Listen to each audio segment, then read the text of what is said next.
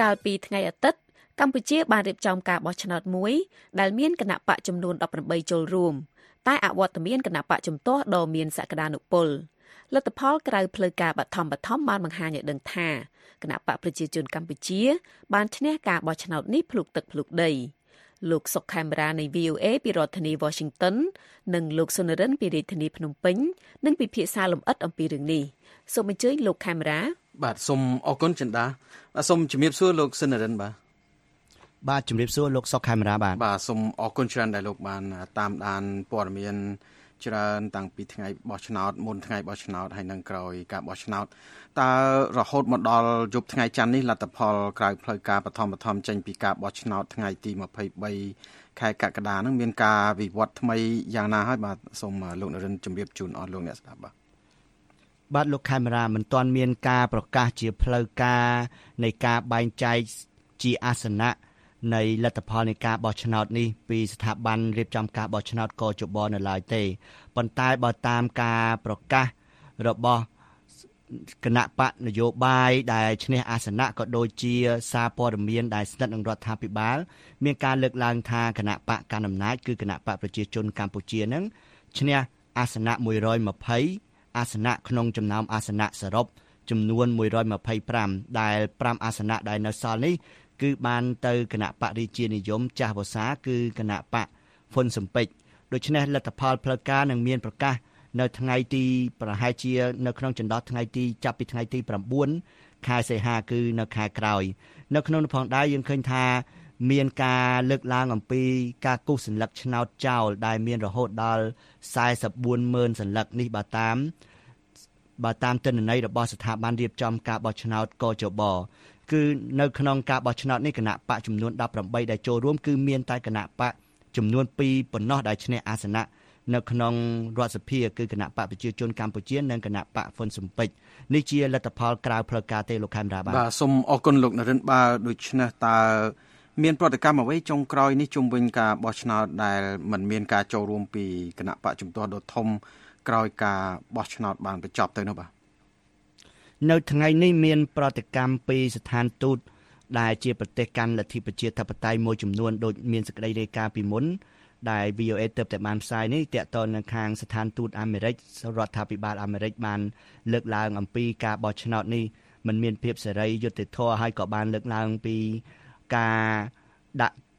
ទណ្ឌកម្មទៅលើទឹកតការមួយចំនួនសម្រាប់បុគ្គលមួយចំនួនដែលសហរដ្ឋអាមេរិកយល់ថាបំផ្លាញលទ្ធិប្រជាធិបតេយ្យ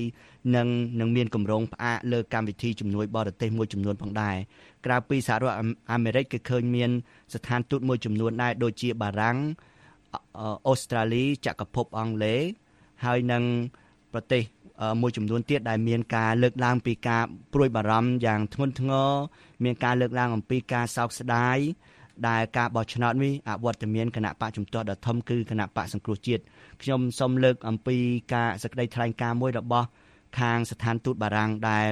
បានលើកឡើងអំពីការជំរុញឲ្យរដ្ឋាភិបាលកម្ពុជាស្ដារលទ្ធិប្រជាធិបតេយ្យឡើងវិញឲ្យស្របតាមអ្វីដែលមានចែងនៅក្នុងកិច្ចព្រមព្រៀងទីក្រុងប៉ារី ហើយនឹងខាងរដ្ឋធម្មនុញ្ញនៃប្រទេសកម្ពុជាផងដែរចំណែកខាងអូស្ត្រាលីក៏បានបង្ហាញក្តីបារម្ភស្រួចស្រាលផងដែរហើយបានលើកឡើងថាប្រជាពលរដ្ឋកម្ពុជាមិនមានជំរឿស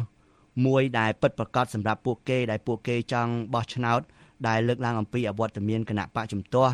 ការដែលមានការរដ្ឋបិទលើប្រព័ន្ធផ្សព្វផ្សាយនិងសង្គមស៊ីវិលជាដើមបាទបាទសូមអរគុណលោកនរិនចុះប្រតិកម្ម ពីអ្នកសង្កេតការឬក៏គណៈបកនយោបាយផ្សេងផ្សេង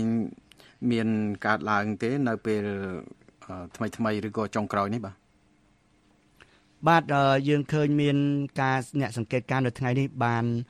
រៀបចំជាសន្និសិទព័ត៌មានមួយហើយមានការផ្សព្វផ្សាយដោយសារព័ត៌មានក្នុងស្រុកជាពិសេសសារព័ត៌មាន Fresh News បានលើកឡើងអំពីអ្នកសង្កេតការបរទេសដែលក្នុងនឹងខ្ញុំអាចសង្ខេបអំពីលទ្ធផលដែលមានការចុះផ្សាយថា អ្នកសង្កេតការខាងរុស្ស៊ីបានលើកឡើងការបោះឆ្នោតនឹងសវត្ថភាព មានវិជាជីវៈគ្មានសញ្ញានៃការគម្រាមកំហែងចំណែកអ្នកសង្កេតការក្រមខាងបរទេសមួយទៀតហ្នឹងគឺខាងចិនដែលមានស្ថាប័នមួយឈ្មោះថា CNIE លើកឡើងថាការបោះឆ្នោតហ្នឹងគោរពតាមស្តង់ដារអន្តរជាតិមានសន្តិភាព ដំណាភាពនិងបច្ចាបានក្នុងនោះផងដែរថ្ងៃនេះមានឃើញសេចក្តីថ្លែងការណ៍ជាហោហែនៃស្ថាប័នដែលមាននិន្នាការទៅរដ្ឋាភិបាលបានលើកឡើងពីការបោះឆ្នោតនេះសេរីត្រឹមត្រូវយុត្តិធម៌ហើយឃើញមានក្រសួងការបរទេសកម្ពុជាក៏បានចេញជាសេចក្តីថ្លែងការណ៍បានលើកឡើងអំពី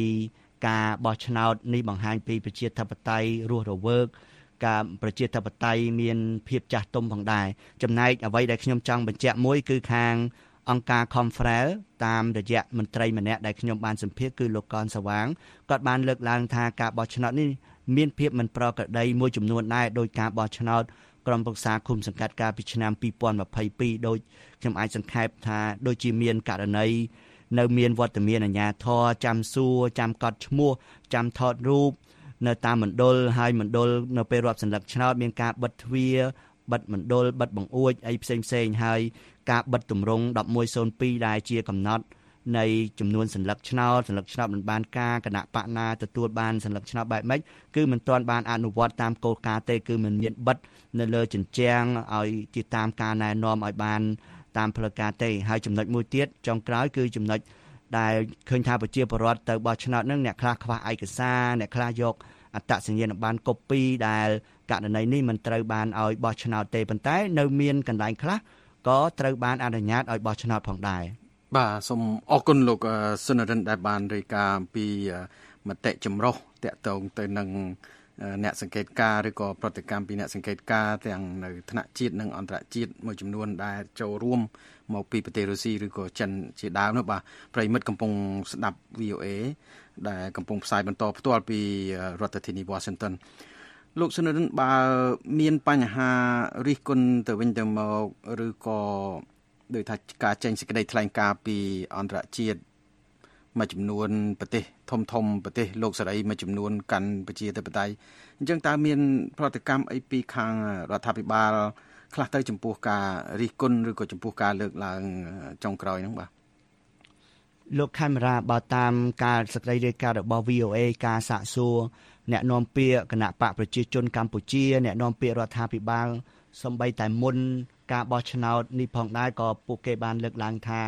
มันជាខ្វល់នឹងការលើកឡើងរបស់ខាងប្រចាំប្រទេសប្រទេសមួយចំនួន ការលើកឡើងអំពីការមិនទទួលស្គាល់រដ្ឋាភិបាល របស់លោកនាយករដ្ឋមន្ត្រីហ៊ុនសែនហើយនៅថ្ងៃនេះផងដែរនៅពេលដែលស្ថានទូតផ្សេងផ្សេងមានចេញជាសេចក្តីថ្លែងការណ៍ឃើញថា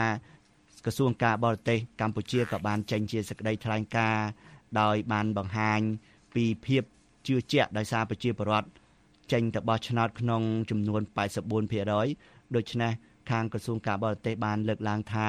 នេះបង្ហាញយ៉ាងច្បាស់នៅភាពរស់រវើកនៃប្រជាធិបតេយ្យហើយក៏ឆ្លោះបញ្ចាំងពីជំនឿទុកចិត្តរបស់ប្រជាពលរដ្ឋនៅក្នុងដំណើរការនេះផងដែរហើយក្នុងនោះផងដែរក្រសួងការបរទេសបានលើកឡើងអំពី អ្នកសង្កេតការដែលថាមានលក្ខណៈមិនលំអៀងហើយគណៈបកនយោបាយបានចូលរួមជាពហុបកផងដែរពហុបកមានន័យថា18គណៈបកបាទបាទសូមអរគុណលោកសុនរិនយើងនៅមានពេលប្រហែលជា40វិនាទីតើលោកមានព័ត៌មានចុងក្រោយអំពីលោកហ៊ុនម៉ាណែតកូនប្រុសរបស់លោកនាយករដ្ឋមន្ត្រីហ៊ុនសែននឹងក្លាយជានាយករដ្ឋមន្ត្រីនៅខែក្រោយនេះឬក៏ពេលវេលាណាមួយយ៉ាងណាបន្ថែមទៀតជូនអស់លោកអ្នកស្ដាប់បាទសូមចេញសង្ខេបខ្លី មកដល់មកដល់ពេលនេះមិនទាន់មានទេលោកខេមរាប៉ុន្តែលោកនាយករដ្ឋមន្ត្រីហ៊ុនសែនបានប្រកាសហើយថាការស្បត់ចូលកាន់តំណែងរដ្ឋាភិបាលថ្មីគឺអាចធ្វើឡើងនៅថ្ងៃទី29ខែសីហាហើយការកោះប្រជុំសភានៅថ្ងៃទី30និងថ្ងៃទី31ខែសីហាបង្កើតរដ្ឋាភិបាលដូច្នេះអ្វីដែលសម្រេចគឺស្ថិតនៅលើលោកនាយករដ្ឋមន្ត្រីហ៊ុនសែនអ្នកនាំពាក្យរដ្ឋាភិបាលក៏បានបញ្ជាក់ដែរថាគឺលោកនាយករដ្ឋមន្ត្រីហ៊ុនសែនជាអ្នកប្រកាសថាតើ លោកហ៊ុនម៉ាណែតនឹងក្លាយជានាយករដ្ឋមន្ត្រីនៅចុងខែសីហាឬយ៉ាងណាបាទបាទសូមអរគុណច្រើនលោកសុនរិនដែលបានរាយការណ៍ព័ត៌មានបន្ថែមបន្ថែមទៀតជូនអស់លោកអ្នកស្ដាប់ពីរាជធានីភ្នំពេញដោយសារពេលវេលាខ្លីសូមជម្រាបលាលោកតែប៉ុណ្ណេះបាទសូមអរគុណបាទសូមជម្រាបលា